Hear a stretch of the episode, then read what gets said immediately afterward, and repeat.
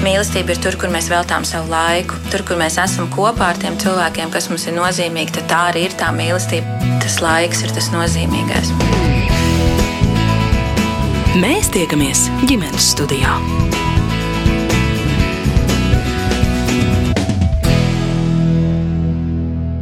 Labdien, un esiet sveicināti ģimenes studijā! Plānojot lielās piekdienas raidījumu, uz sarunu gribējām aicināt kādu īpašu ģimeni un uzrunājām teoloģi Latvijas evaņģēliska luteriskās baznīcas ārpus Latvijas mācītāju Rudīti Losāni. Viņa ģimenes studijai tikšanos neatteica, taču rosināja to rīkot vienā no savām darba vietām - Īļģu ciema sieviešu cietumā.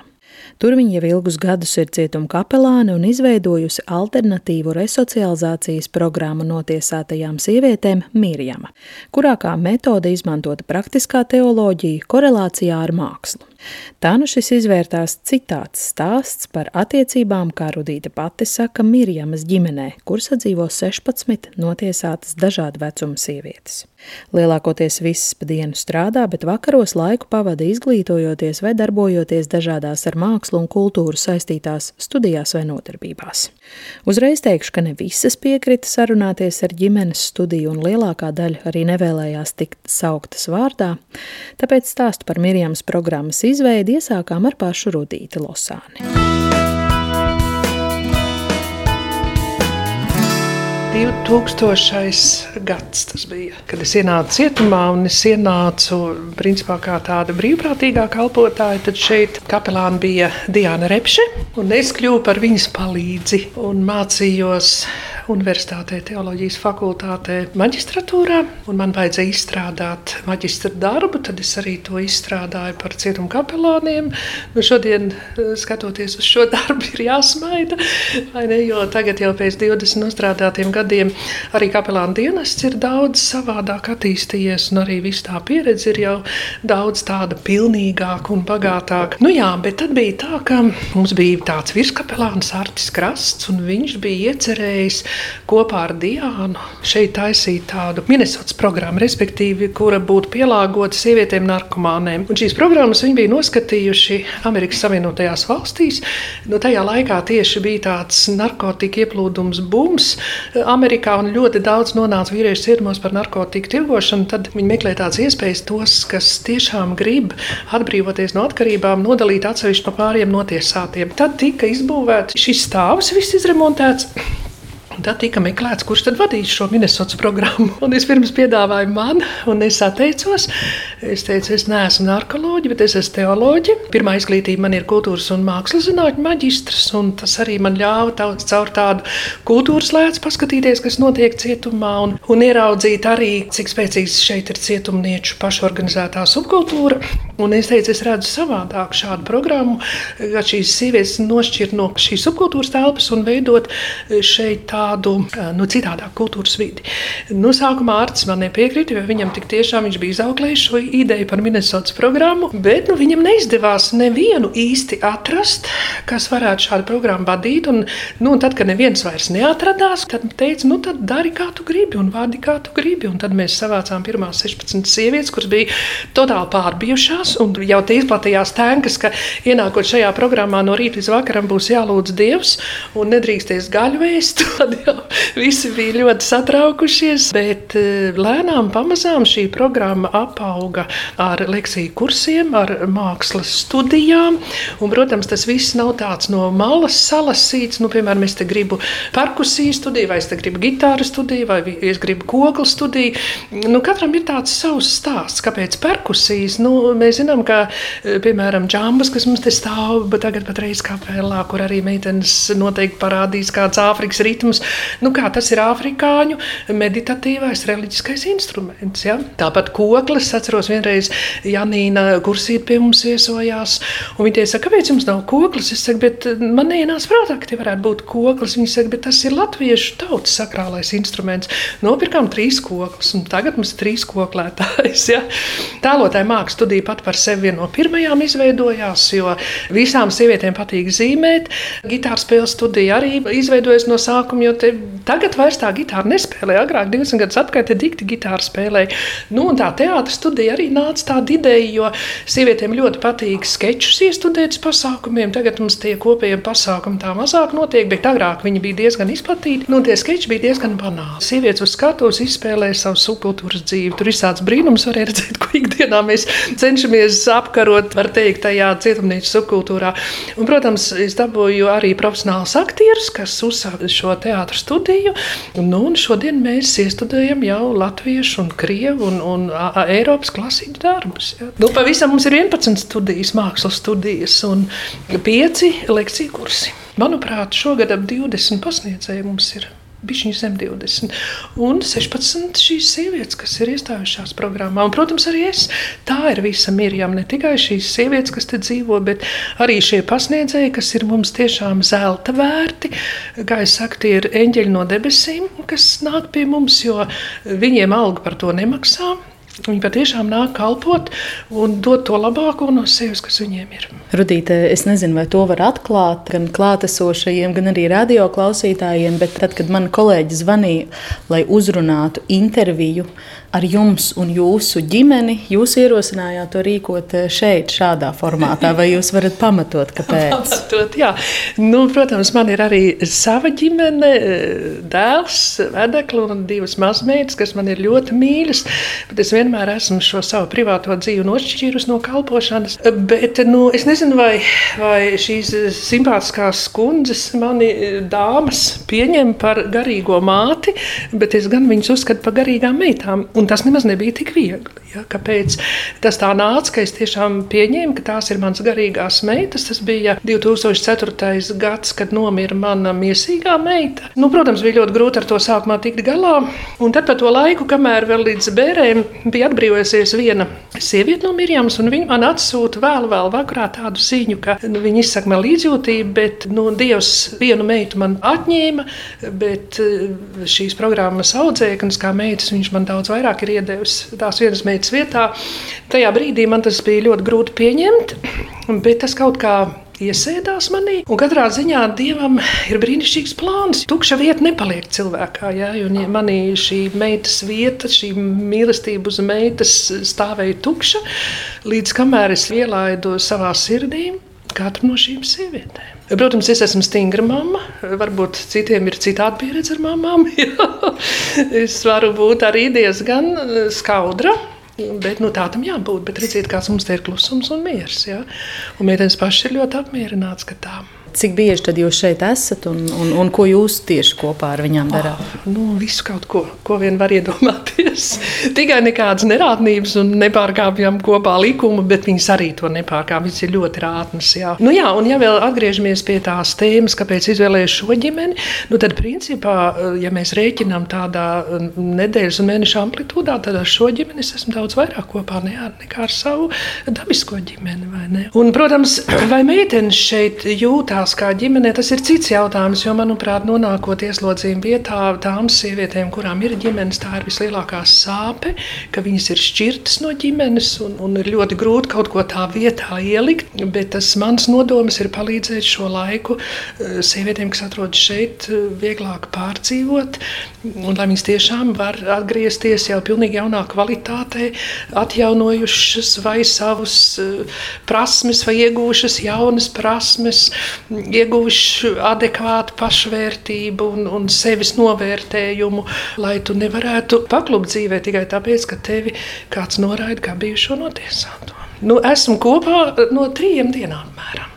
Pāris stundas jāapsēž savā kabinetā, kamēr es visu dokumentus sataisu, bet no 17.30 mums sāks nodarbības. Ja ir kaut kādas individuālas sarunas, tad es atnāku ātrāk, vēl pirms četriem. Nu, tā un viss vakars mums paiet kopā. Un cik tie vakari ir nedēļā? Pieci vakari. Sestdien vēl mums arī ir mākslas studijas, divas tēlotāju mākslas studija un teātris studija. Nu, meitenēm ir ar ko nodarboties. Un svētdien reiz mēnesī mums ir divi kalpojumi. Jāpievēršas arī citām iespējamām runātājām. Visi jau ir ļoti satraukušies. Domas te ir brīnišķīgas. Es zinu, Ginta jau mums vispār ir, ir filmējusies Ilģiem māsās, Elitas Kļaviņas dokumentālajā filmā. Es domāju, ka viņai nav grūtības runāt. Ja? Un te ir visas ļoti gudras un argumentētas, spējīgas sievietes. Tā kā droši jūs varat. Tas, ko es gribu pajautāt, ir, kāpēc jums patīk šeit būt un ko jums patīk darīt no Rudītas piedāvājuma. Varbūt jums drīkst jautāt? Man patīk, tāpēc, ka šeit ir klusums, miers, kas varbūt nebūs iespējams citās nodaļās. Nu, patīk man mācīties, patīk izzināt, kas ir Dievs. Es esmu arī viņu atklājusi, es esmu ar viņu kopā tagad. Būdama šeit, patīk ļoti zīmēšana, literatūras studijāju, koklas spēle. Un arī viss cits interesants. Ļoti jauki vispār šeit būt. Kas ir tas, ko jūs šeit vislabprātāk darāt? Vairāk lasu grāmatas brīvajā laikā. Gribētu tikai jau bišķiņu vēl to sportu, bet nav laika. Man ļoti patīk klausīties mūziku, spēlēt ģitāru, plus vēl perkusiju. Patīk uh, studijas pie Rudītas Lasānas ļoti, ļoti labi izstāsta. Patīk klausīties par Bībeli. Sākumā galīgi neko nesapratu, bet nu, tagad ļoti daudz saprotu. Nu, vairāk. Kā ar jums? Man patīk visas nodarbības. Es lasu, nu, mācos adīt tamburēt, kā nu, atjaunoju zināšanas. Nu, šo to visu kaut kas man šitādi darbiņi patīk, to, ko mēs te darām. Nu, kaut ko ar rokām darīt patīk. Jums tāds ļoti smalks tas adījums, ne tamborējums. Es kas tas mācos, būs? Es nezinu, es gribēju tādus kā cimdiņus uzadīt bez pirkstiņiem, bet es nemācos. Man nu, jau sanāk tīri nu, labi. Tas ļoti, ļoti rūpīgs, jā. Bet kam tas būs? Pati sev. Jā. Pagaidām, jā. Kā jums? Kas jums šeit vairāk iet pie sirds? Nu, es šajā programmā esmu salīdzinoši nesen. Man patīk šeit, kad šī programma man māca liederīgi pavadīt brīvo laiku. Man ļoti patīk lekcijas un lasīšana. Man patīk mācīties, izteikties, būt sabiedriskākai un kopumā šeit es stiprinu savu ticību dievam. Es šeit esmu ļoti nesen. Principā teikt, tikai mēnesi, un lēnām iejautos šajā programmā. Patīk tas, ka šeit nav laika domāt negatīvas domas.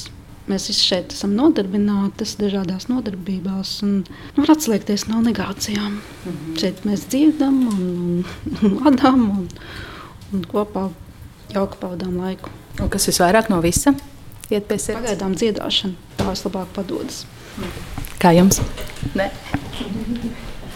Es šeit kapelā atrodas piecas mēnešus. Man patīk, ļoti patīk lasīt, dziedāt, ādīt taisīt um, krūzes, porcelānas. Ja, tā, jā, darbs ar porcelānu. Da, jā, jā, darboties ar porcelānu. Runāt ar savām meitenēm, ar savām māsām mūsu. Ja. Tā mūsu tā ir dzīve šeit. Jūs viņus uzskatāt par māsām, tā jūs šobrīd to jūtat? Es domāju, ka jā, es jūtu tā. Jums arī tāpat? jā. Jo mēs esam kopiena un mēs palīdzam viens otrai, atbalstam. Ir tas, ka Rudīte un citi pasniedzēji, ka nāk pie mums, viņi nevis nosoda mūs, bet pieņem mūs tādus, kādi mēs esam. Un pateicoties ar Rudīti un pasniedzējiem, viņi liek mums saprast to, ja mēs atgriezīsimies sabiedrībā, ka varbūt ne visi mūs nosodīs, ka ir kas pretīm nāks. Un man patīk katra lekcija, jo katra lekcija mums kaut ko māca. Un man ļoti palīdzēja tas, ka Rudīte māca jauno derību un ģērbs māca veco derību. Un tad ir tā divi pretstati, bet tu vienmēr atrod to kruspunktu, kur ir Jēzus Kristus. Un tu saproti, ka viņš ir tur un tur. Šeit vienkārši ir tas, ka viņi katru reizi, kad kaut ko māca, liek strādāt pašam ar sevi. Es šeit esmu ļoti daudz mainījusi sevi. Ja es brīvībā biju nepacietīga, man viss vajadzēja uzreiz, tagad un tā. Tagad es esmu iemācījies būt pacietīga pret jebkuriem cilvēkiem pieņemt un saprast jebkuru cilvēku. Jo, ja tev brīvībā cilvēki nepatīk, tu vari pagriezties un aiziet. Šeit tu neko nedrīkst. Ja tev nepatīk tas cilvēks, tev vai nu viņš ir jāpieņem, jāsaprot, vai vienkārši var taisīt skandālus, bet priekš kam tas vajadzīgs. Vienkārši pieņem un saprot, ka tāds viņš ir un dzīvo ar viņu. Jūs pieminējāt eh, savstarpēju atbalstu. Kur ir tie brīži, kad tas atbalsts ir visvajadzīgākais? Man tētim notika šogad insults. Tad, kad meitenes redzēja vakara lūkšanā, kad es raudāju, tad viņas pajautāja lielāko daļu meitenes, un viņas lūdzās par manu tēti. Ir mirklī, es sapratu, ka Tas vairāk atvēra man acis uz to, kas mēs šeit esam. Nevis cilvēki, kas tikai atcerš savu laiku un izies ārā, bet tā kā viena tāda liela, liela, liela teikt, saime, kas par katru uztraucās. Un tas bija ļoti, ļoti mīļi, jo es pat īstenībā to negaidīju. Jo kā mēs esam cietumā, bet īstenībā šajā vietā es sapratu, ka mēs arī augam. Cietumā esmu trešo gadu, šeit tikai trešo mēnesi. Šeit esmu atradusi to, kā ļoti pietrūkst ģimeni. Te tā tiešām ir kā ģimene un rudīte kā mamma. Dažreiz stingra, dažreiz maiga, bet viņa ir un pieņem mūs tādas, kādas mēs esam. Jā, izsaka aizrādījumus, bet man ļoti patīk šeit. Un kā ir ar jums? Kas jums šeit noderīgākais? Esmu šeit kā tu. Esmu ļoti pateicīga, ka ir izveidota tāda programma. Esmu iepazinusies pirms tam cietumā ar visām pakāpēm un visām subkultūrām. Iegūstu šeit zināšanas, ko agrāk nezināju. Vienkārši laiks nepietika mācīties veco derību, Girta Roznera vadībā, jauno derību, Rudītas Losānas vadībā. Es ļoti esmu pateicīga par šīm lekcijām un par šīm zināšanām. Pārējais jau ir vienkārši ir jau lēcieni tā nezināmā pasaulē. Glezniecībā mēs esam apgūši grafiku, balto līnijas tehniku, frotāžas tehniku. Tagad pirmo reizi mūžā esmu pamēģinājusi ar eļļas krāsām gleznot mm, gospeļu kūrus, kuri esmu dziedājusi, bet gospels tas kaut kas jauns bija kaut kas atkal jauns un, un iedvesmojošs un ļoti patīkams. Kā dzirdējāt, visām meitenēm patīk. Jā, un mēs arī šovakar nodziedāsim kaut ko jums. Tā kā uzskatu, ka programma ir ļoti, ļoti izdevusies. Ir vajadzīgs tikai no meitenēm gribēšana mācīties. Man ir tas vecums, kad man ir 60, plus, un man ir daudz dažādas izglītības arī un līmeņi, bet uh, vērojot, kā šeit viss notiek, es vēl vienreiz uzsveru, esmu ļoti pateicīga, ka man ir iespēja šo laiku, kas man šeit jāpavada, izdzīvot tieši šajā programmā. Es jūtos tā, ka es būtu ievietot kaut kādā mācību iestādē, tādā, tādā bumbā iekšā, un tad es tā visu laiku mācos. Mums ir ļoti jauka studija, angļu valodas studija, kur mums pasniedz Lorita Čigāne ar vīru Nilu studentu. Un mums ir jaunpienācējs, viņu dēls, Kalvis students. Un teikšu tā, Lorita mums tā ņem pa virsmu, vieglītiņām, bet tad, kad atnāk vīrieši, tad tu sajūti, ka atnāk vīrietis, kurš runā tikai angliski, angliski un angliski. Bet ir jauka studija. Mēs gandrīz pusotru stundu runājam tikai angliski. Ja kaut ko mēs nezinām, tad viņi arī paskaidro. Un cik vecs tad tas jaunākais skolotājs ir? 19. Rudīt, vai ir kaut kas, ko jūs no uh, programmas dalībnieku teiktā gribētu akcentēt? Es gribētu piedāvāt mums, piemēram, viena sieviete, ir, kas šajā programmā, es ceru, ka viņa drīz dosies mājās. Jau. Viņa nelabprāt grib runāt, bet viņa ļoti labi spēlē flautu. Varbūt viņa var nospēlēt flautu. Es domāju, tas arī tāds skaists vēstījums būtu nu, no mūsu kopienas, ka mēs ne tikai, protams, runāt, bet kāds arī spēlē flautu. Un, protams, to visu viņas ir iemācījušās še, šeit mums ir tādas studijas mainīgās, ko es saucu par mainīgām studijām, jo nereti nonāk arī cietumā sievietes, kuras prot spēlēt kādu instrumentu un ir jau mācījušās. Man, piemēram, ir no Emīļa Dārziņa mūzikas vidusskolas bijusi viena sieviete, kas ārkārtīgi skaisti spēlēja vijoli, ko viņa bija nolikusi malā, un, un, un divus gadus mēs e, palīdzējām viņai atkal šīs iemaņas iegūt. Viņas dēļ teātras studijā mēs iestudējām Raimonda Paula Māskeriju, un viņa visas tās par partijas uz violi izspēlēja. Nākošā studijā pie mums nāca tāda violniece Ilza Gagaina, kas kopā ar viņu šeit spēlē violi. Un, nu, mums arī ir noveicies, ka viena no mūsu māsām spēlē flautu. Un, cik es saprotu, viņa arī mājās bija nolikusi jau skāpīšu flautiņu.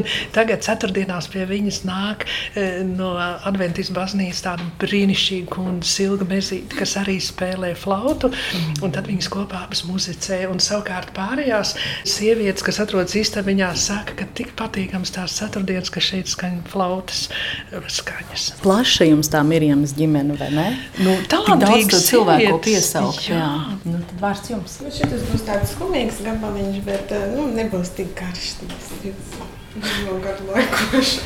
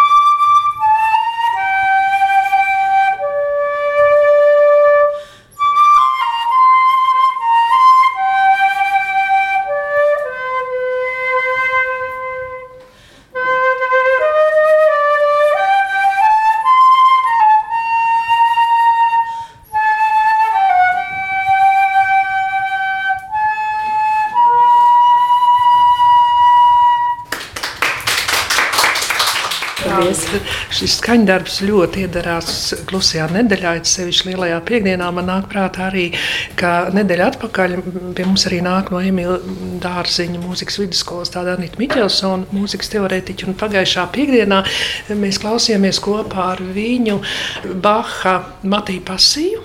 Un arī stabat māter, pergolēzijas stabat māter. Un tad vienkārši, kad mēs dzirdējām tikko flautas spēli, man nāca prātā arī tie bija brīnišķīgi skaņu darbi, ko mēs arī pēc tam pārunājām, klausījāmies brīnišķīgi noskaņojumus.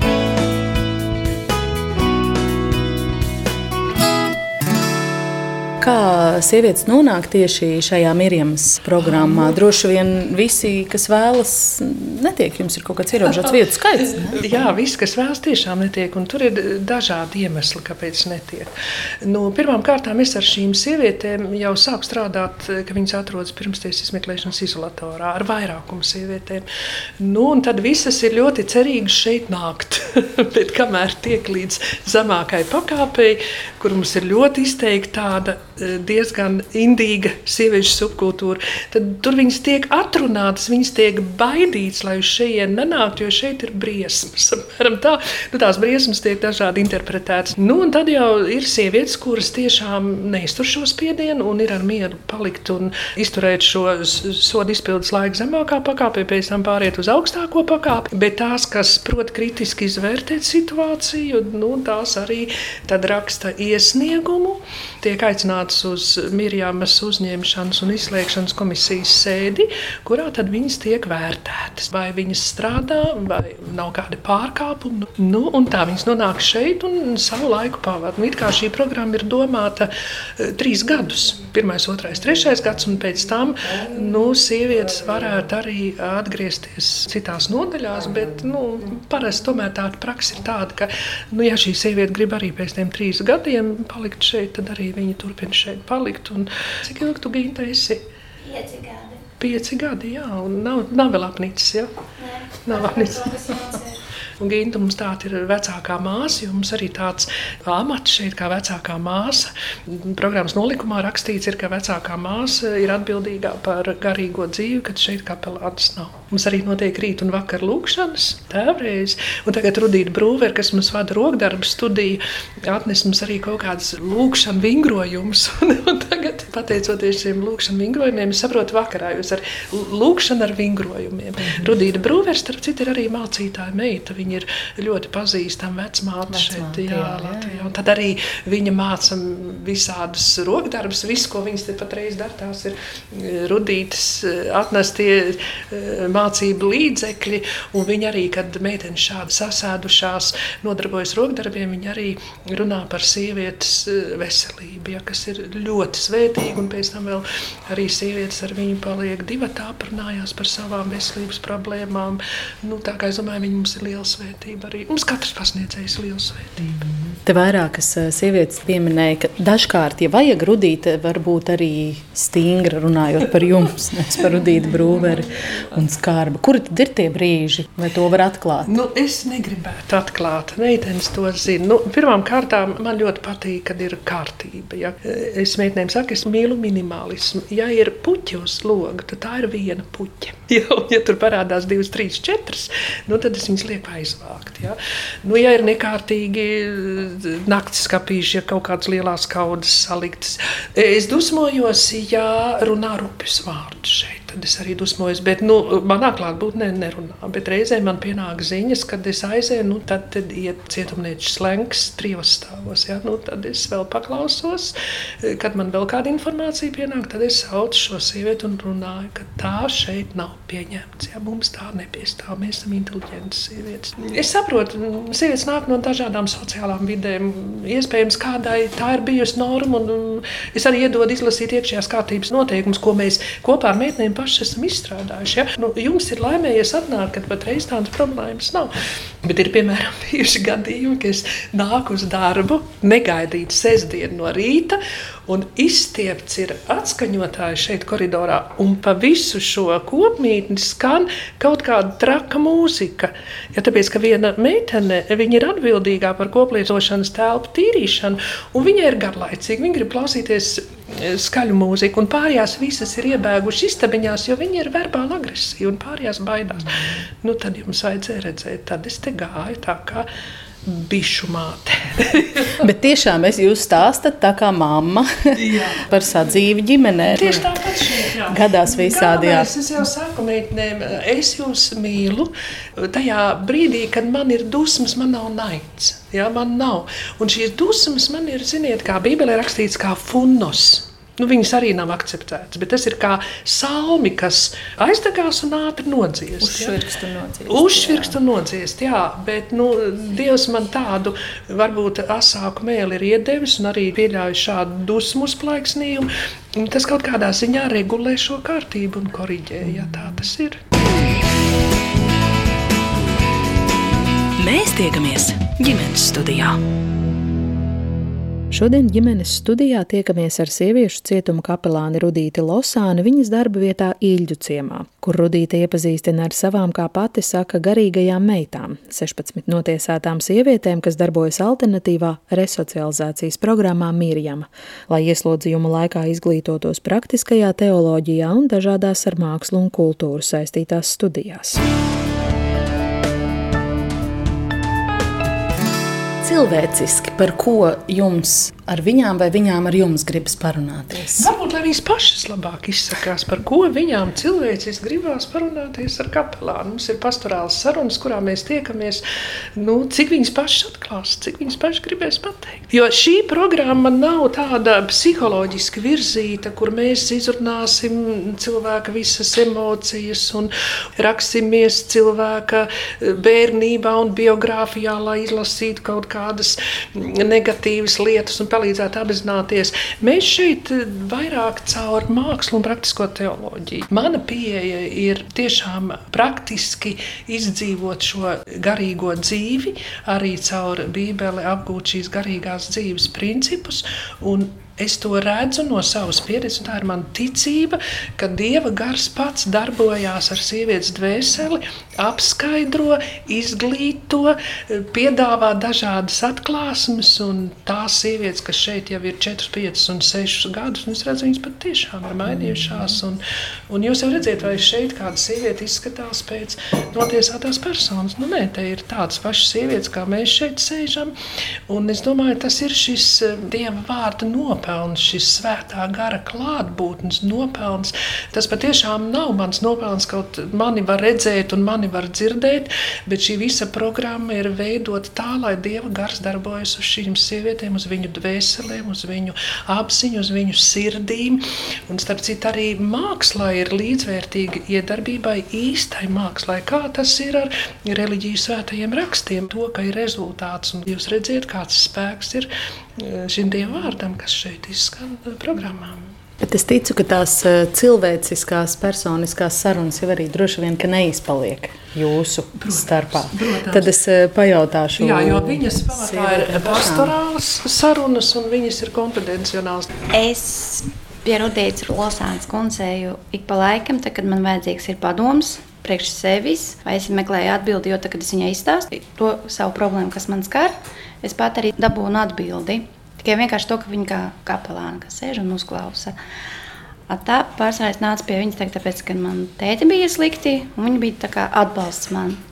Jo viņa ir tā, kas saka, jālūdz Dievu un jāuzticās Dievam. Un tad es arī visu laiku ar to paļāvos, uzticējos un es eju pie viņas pa laikam. Es arī viņai padomu paprastu. Es negribu, lai mums kopienā ir strīdi, skandāli, intrigas vai kaut kas tāds, kas ir šeit cietumā pieņemts. Es gribu mieru, klusumu. Un es esmu ieņēmusi vienu pozīciju, pie kā es turos. Es ceru, ka tas man sanāks, lai visu laiku būtu tāds klusums un jaukums. Jo tad, kad uh, kāds spēlē flautu vai jebkuru citu mūzikas instrumentu vai kokli, tad ir tā, ka ka kapelā ir tāda kā miers. Nu, es ar Rudītu vai parunāt kā ar māmu par jebko. Jo man vēl ir ilgs šeit jābūt cietumā, tāpēc man tas ir ļoti, ļoti, ļoti, tiešām gribu parunāt. Mm -hmm. Nu, man personīgi ir tā, ka es uh, cenšos pat ar sevi cīnīties. Ja ir bezizēja, tad es eju pēc glābiņa. Bet nu, lielāko daļu dienas neesmu nodaļā, tāpēc, kad es strādāju un vakarā tikai es apakaļ. Bet, nu, ja patiešām ir uh, bezizēja, tad Rudīte ir pirmajā vietā, ar ko es varu izrunāties. Un ir vēl cilvēciņš viens, ar kurus var šeit nodaļā izrunāties. Nu, sievietes nelabprāt šeit grib eh, runāt par sevi. Ir atsevišķi cilvēki, tiešām, kas grib izrunāties. Ja? Vairāk vēlas izrunāties tās sievietes, kas atrodas pirmsties izmeklēšanas izolatorā. Bet šeit, šajā programmā, viņas ir tik ļoti visā iesaistītas, ka jo ilgāk dzīvo, jo es skatos, viņas ir patstāvīgākas un prot paši noformulēt atbildes. Tikko pie pēdējā runātāja. Ja? Šī mana mīļā meita pie manīm nav bijusi vismaz kādu mēnesi runājusi pat vairāk. Ja? Tas nozīmē, ka nav bijis tās bezizējas. Tieši, un jo ilgāk šeit dzīvo, jo viņas pašas iemācās iegūt atbildi saviem jautājumiem, un tieši caur lekcijām, caur mākslas nodarbībām. Ja, piemēram, Psihologi izmanto drāmas terapiju. Mēs neizmantojam drāmas terapiju. Mums nāk profesionāli aktieri, kas iestudē profesionālas lugas un sagatavot tiešām šīs sievietes, cik vien profesionāli var sagatavot. Mums nāk Zigorts Neimanis, profesionāls aktieris un režisors. Pie mums šogad nāk Lilita Lauskiniece, un te var Ginta pastāstīt, kā te lauž viņas un trenē. Un, un teātrim pašam par sevi, teātra mākslai ir ļoti lieli dziļumi uzrunāt eh, cilvēku veseli. Ne tikai to, kas sēž un skatās teātrī, bet arī tos, kas šīs lomas spēlē. Teātris tiešām dara liels brīnums, un es parasti nejaucos nevienā mākslas studijā iekšā. Es paļaujos uz šo cilvēku profesionalitāti. Ja, piemēram, šogad mums džamba studiju vada Leida Ozoliņa. Nu, es varu tikai pabrīnīties. Viņa bijusi mums ir kaut kāds trīs mēneši, un ko viņa jau ir iemācījusi. Ja?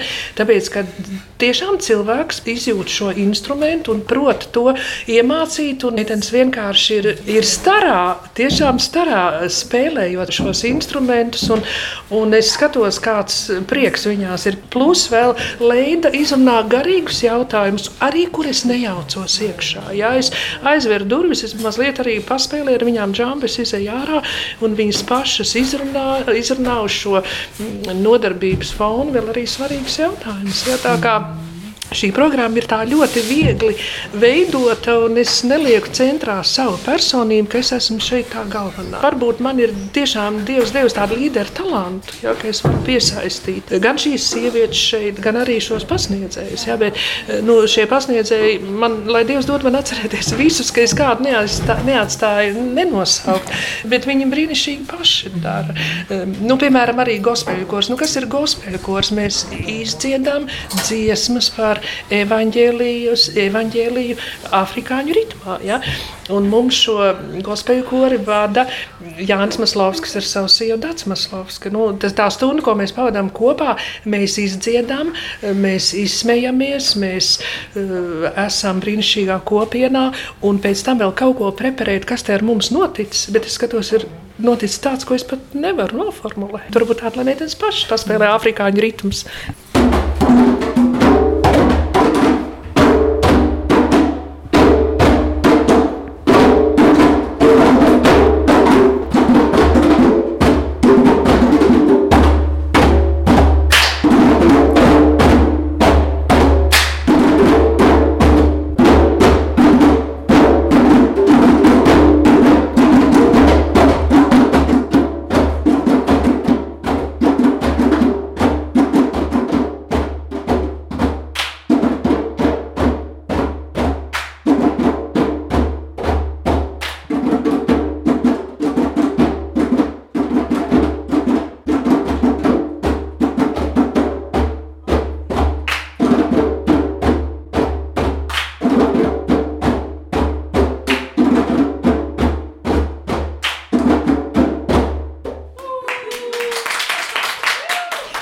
Mums ir arī maigākas melodijas, jo mums koklas studiju vada Dārts Matisons.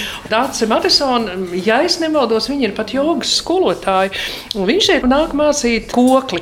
Un mēs arī diskutējam reizēm, kad kopā ejam ārā no cietuma, diskutējam par mūsu, var teikt, reliģiju kopīgām īpašībām un atšķirīgām. Mēs, mēs nonākam pie secinājuma, ka mums ir ārkārtīgi daudz kopīgā.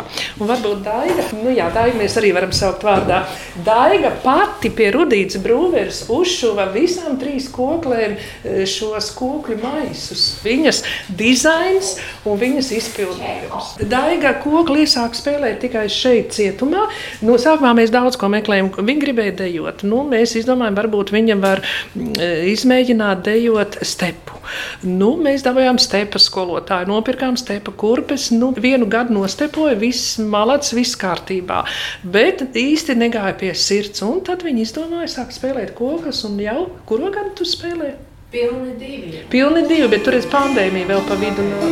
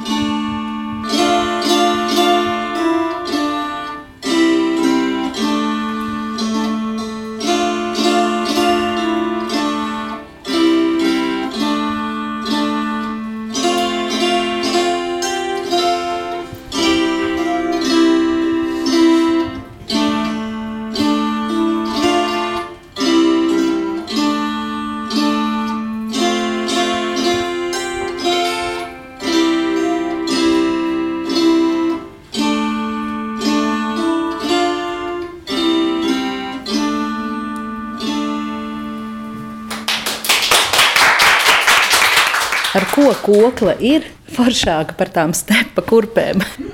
kokla jāņem jokās, jāsajiet, jāsamie, jāsavienojas.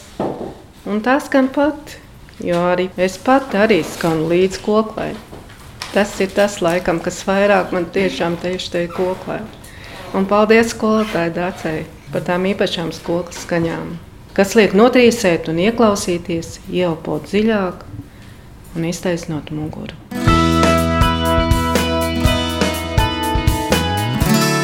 Mums arī ir gleznas, daiga, un vēl te vairākas sievietes darbojās tēlotāja mākslas studijā, ko mums vada Jaņa Rozentāla mākslas vidusskolas direktora vietniece Ilgnese Avotiņa. Un, nu, un te ir daži darbi, kas ir tapuši. Varbūt var pastāstīt Daigu par savu darbiņu. Mhm. Reprodukcija. Baltais krēsls ar ķirbi. Mm -hmm. Laikam tā viņam bija nosaukums. Cik ilgi strādāja pie tās gleznas? Nu, laikam kā trīs mēneši gan bija noteikti. Jā. Bija uzstādījums ar Anē pēc gleznas. Jā, pēc gleznas, jā. Nu, man bija ļoti tas, ka man tam krēslam bija jābūt un ķirbim jābūt atbilstoši tam. Un es pilnīgi rēķināju uz papīra, lai viņš būtu pilnīgi, pilnīgi precīzi. Jo tāpēc, ka tur bija, nu, teiksim, līnijā ir 4 centimetri, tad es zinot, ka mans garums būs laikam kaut kāds 60 centimetri tai gleznai. Tad man bija jārēķina, jāizreizina un jāsaprot, kur cik man vajadzīgs to centimetrus tur viņi, lai tas ķirbs tiešām būtu tāds, kāds viņam jābūt. Esat kaut ko tādu darījusi jau iepriekš? Man vairāk patīk ainavas tieši. Skolā man ļoti, ļoti, ļoti patīk ainavas tieši gleznot un gāja arī ārā. Vienkārši kāds kur, kur, kur paņēma kaut kāds koks un mājas un gleznoja. Nu, man skolotājs Antons Zeltiņš. Viņš man lika uz kluso dabu. Tev tas ļoti labi padodas. Tu man būsi uz kluso dabu, arī to būs jādarbojas. Kam tas otrs darbiņš varbūt grib pastāstīt? Autors ir ar mieru pastāstīt, kā tā glazna tapa. Vienkārši mans mīļākais dzīvnieks ir vilks. Man ļoti patīk pašai vilki un meži. Es nolēmu, kā pirmo savu darbu uzgleznot vilku mežā. Bet tas ir nu, arī no kaut kurienes. Tas tas pēc iztēles glaznots. Man atnesa vilku kā siluetu, jo mēs nevarējām atrast nekur vilkus. Un tad es uzzīmēju, uzgleznoju vilku, un tur apkārt izdomāju pats vainu. Mhm. Un arī pirms tam zīmēšana, vizuālā māksla ir bijusi. Kā, vairāk kā hobijs. Tad, kad garlaicīgi vai paliek kāda iedvesma, nu es vairāk esmu grafiķis, es īsti negleznoju. Un šis ir pirmais darbs. Ja? Jā. Es varu pieminēt, ka viņa ir ļoti talantīga šī gleznas autora. Un te arī var redzēt, nu, mēs netaisāmies šeit mīlestības gaudu klāt, bet, bet te mēs esam uztaisījuši tādu izstādīti. Pie mums šajā gadā nu, tiešām nāk vēl viens eņģēlis pasniedzēja. Tā ir Ilijāna Veinberga, porcelāna muzeja direktore. Viņa mums māca strādāt ar porcelānu, apgleznot porcelānu un arī dekolus veidot uz porcelāna. Te es parādīšu arī gleznas, kur uzgleznots vilks autors darbiņus. Mēs redzam šķīvīšus, kur ļoti interesanti uz balta ar melnām svītrām ir tā, tādi loki izveidoti. Un, un arī šeit krūzīte arī ļoti mākslinieciska ar tādām acīm, tā kā ar sejas fragmentiem. Nu, man ļoti šie darbi patīk, bet visi darbiņi ir skaisti. Un, un te mēs varam redzēt, arī mums atnesa tādas porcelāna zvaigznītes, ko mēs paši apgleznojām. Un tad šogad pēc ilgiem laikiem uz Ziemassvētkiem mums bija īsta egle, ko Ilijāna uzdāvināja īstā kājā. Un pašas bijām ar šīm apgleznotām porcelāna zvaigznītēm izdekorējuši eglīti. Un, un tad mums pat uzrauga, ka nāca uz pārbaudēm dežuranti, tad priecājās, ka mums ir tik skaista eglīte. Es teicu, mums viss pasniedzēja ir daļa no šīs Mirjamas eh, kopienas, no šīs Mirjamas ģimenes. Ja, katrs savā laikā ienāk ar, ar savām dāvanām, katra kaut ko mums iedod, un, un tā ir ārkārtīgi liela bagātība. Mm. Vēl viena glezna, tās mm. divas rokas. Tas darbiņš tapis ir ļoti sens, bet tas ir īpašs darbs. Es domāju, vispār varbūt to kādreiz nodot uh, literatūras mūzikas muzejam, no kurienes, starp citu, pie mums nāk Liega Piešiņa, kas jau septiņus gadus vada, vada literatūras studiju mums. Tās ir dzēnietis un tūkotājs Mairas Asaras rokas. Nu, Maira jau ir aizgājusi mūžībā, un, un tas nav noslēpums, ka viņi ir bijuši šeit cietumā, arī programmā Mirjam, jo viņi pēc tam uzrakstīja grāmatu sieviešu zona. Ja, tā kā tās ir viņas rokas, viņa pats savus rokas gleznojas, es domāju, ka nu, es tā lēnām briestu, viņa tomēr atdot mūsējām šo darbu, ka tā ir tāda vērtība. Te to varbūt nenovērtēs, jo ne uz vienas gleznas nav autora paraksti, ja mēs visi tādi šeit darbojamies bez vārdiem. Es piefiksēju vairāk kārt teiktajā Mirjamas ģimene un ģimenes jēdziens izskanējuši sarunas gaitā. Kāda ir jūsu novērojuma par to, kā mainās tā izpratne par ģimenes jēdzienu vispār? Kā mainās skatījums uz ģimeni esot šeit? Varbūt vispirms nu, tīri praktiski, kāda ir noteikuma, cik bieži vispār ir iespēja satikt kādus savus ģimenes locekļus? Tur ir pa pakāpēm. Zemākā pakāpē, cik reizes var satikties ik pēc kāda perioda, laika perioda pēc 90 dienām. Ja?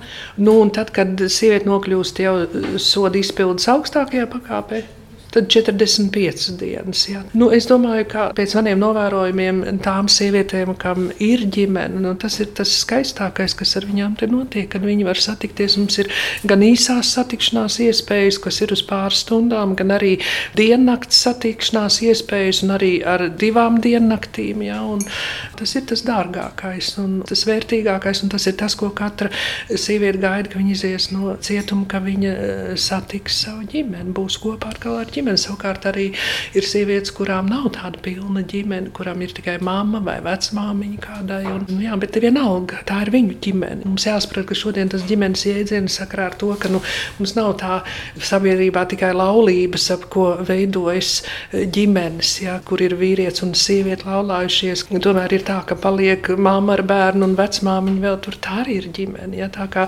Populārākais Latvijā, starp citu, statistiski ģimenes modelis jā, nu, ir vientuļais vecāks vai divas sievietes, Jā, kas audzina. Ne, tieši tā, un nepavēlti arī tagad notiek tāda spraiga diskusija ap ģimenes jēdzienu. Nu, tāpēc, ka faktiski tā, tā dabiskā ģimene ir diezgan izšķīdusi, viņa ir diezgan nereāla. Viņa ir pati skaistākā, kas var būt, kā šo eh, tradicionālās laulības modeli veidojas ģimene. Ja? Tas ir pats skaistākais, ja? bet nu, realitāte ir tāda, ka tie ģimenes modeļi ir ļoti dažādi. Un katrā ziņā kristīgā baznīca būs vienmēr tā, kas aizstāvēs dabiskās ģimenes modeli, bet mums ir jāskatās tomēr no realitātē, kā tas ir. Ja? Un šeit cietumā tu nonāc un tu saproti, ka tu gribi izdzīvot tās ģimenes attiecības. Un tad lūk, nāk šāda alternatīva ģimene, kā mums ir šī kopiena, kur mēs to laiku, kamēr viņas atrodas šeit, mēs kaut kādā veidā nu, palīdzam tās attiecības veidot ģimeniskas. Mm. Bet nu, katrā ziņā neviena sieviete nemainīs šo ģimeni ģimeni, kādā mēs dzīvojam, pret to ģimeni,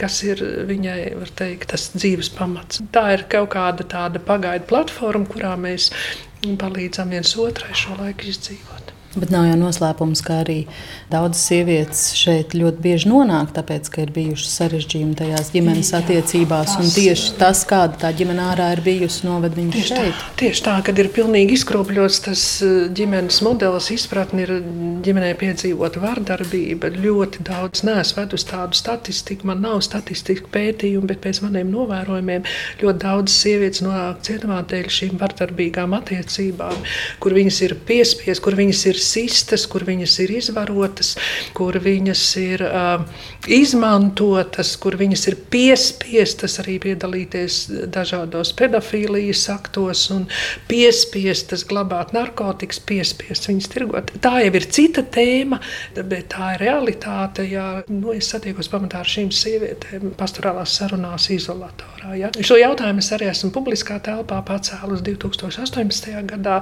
Man bija uzruna, ka tika pasniegts eh, Eiropas cilvēku tituls, man liekas, Eilandam pasniedz. Tad, tad es runāju par šo mm, vardarbību, kāda ir šī slēptā vardarbība, kāpēc sievietes nonāk cietumā. Tur bija milzu rezonance un, un patiešām politiķi sāk ieinteresēties. Taču vienalga Stambuls konvencija mums nav ratificēta, ja, un, un ģimenes jēdziens joprojām tiek turēts ļoti šaurās robežās. Ja. Nu, katrā ziņā man jāsaka, es esmu tradicionālās ģimenes piekritēji, taču es redzu realitāti, kas notiek apkārt. Un eh, man patīk, kā teica Sanita Osipova, mūsu satversmes tiesas priekšsēdētāja savā laikā, mātei valstī visi bērni ir vienlīdz mīļi. Tas ir Latvijā. Jā. Mātei, ne, mātei val, valstī, valstī. Mm. Vai nu valstī vai Latvijā būtu vienalga, bet man tieši patīk tas iedziens valstī, jo mēs esam visi Latvijas valsts pilsoņi, neskatoties uz visu, ja, un valstī ar to ir jārēķina. Valstī ar to ir jārēķinās. Pirms atvadāmies Mirjamas dalībnieces kopā ar Rudīti Losāni nodemonstrēja arī vēl gospeļkora mēģinājumos apgūto. Kungs,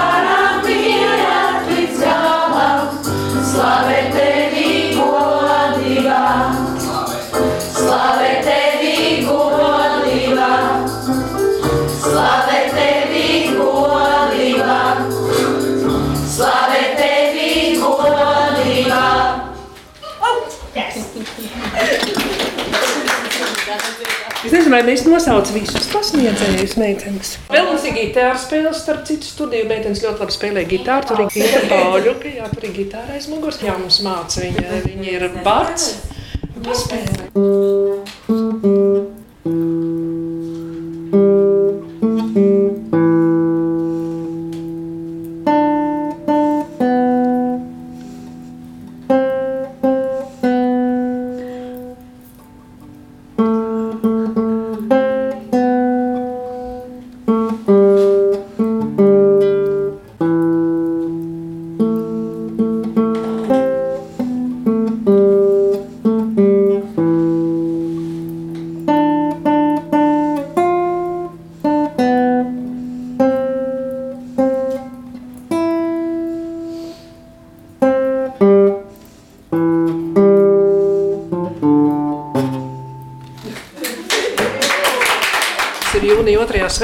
Izlaidums, ko mēs praktiski visu, visu dienu atzīmējam. Bet pagājušā gada nobeigumā, pēc Jāņa Maslovskas iniciatīvas, mēs sagatavojam koncertu visai ieslodzījuma vietai. Mums bija pilna zāle ar klausītājiem. Piecas dziesmas mēs dziedājām, un arī klusa nakts, svēta nakts, un angļu valodā dziedājām, un pa vidu lasījām bībeles lasījumus, un, un brīnišķīgu dzējoli arī skaitīja viena no mūsu māsām, un lasīja Selmas Lagerlēvas pasaku, viena no Ziemassvētku leģendām. Tiešām bija ļoti atsaucīgi arī pārējās sievietes, kas bija atnākušas klausīties. Beigās nevarēja iziet ārā no zāles. Mēs dabījām otrreiz dziedāt klusu nakts, svētnakts, un visa zāle kopā dziedāja. Tā kā tas arī bija tāds skaists notikums. Mums ir ļoti laba sadarbība ar Latvijas evanģēliskās Lutheriskās baznīcas Jēzus draugu.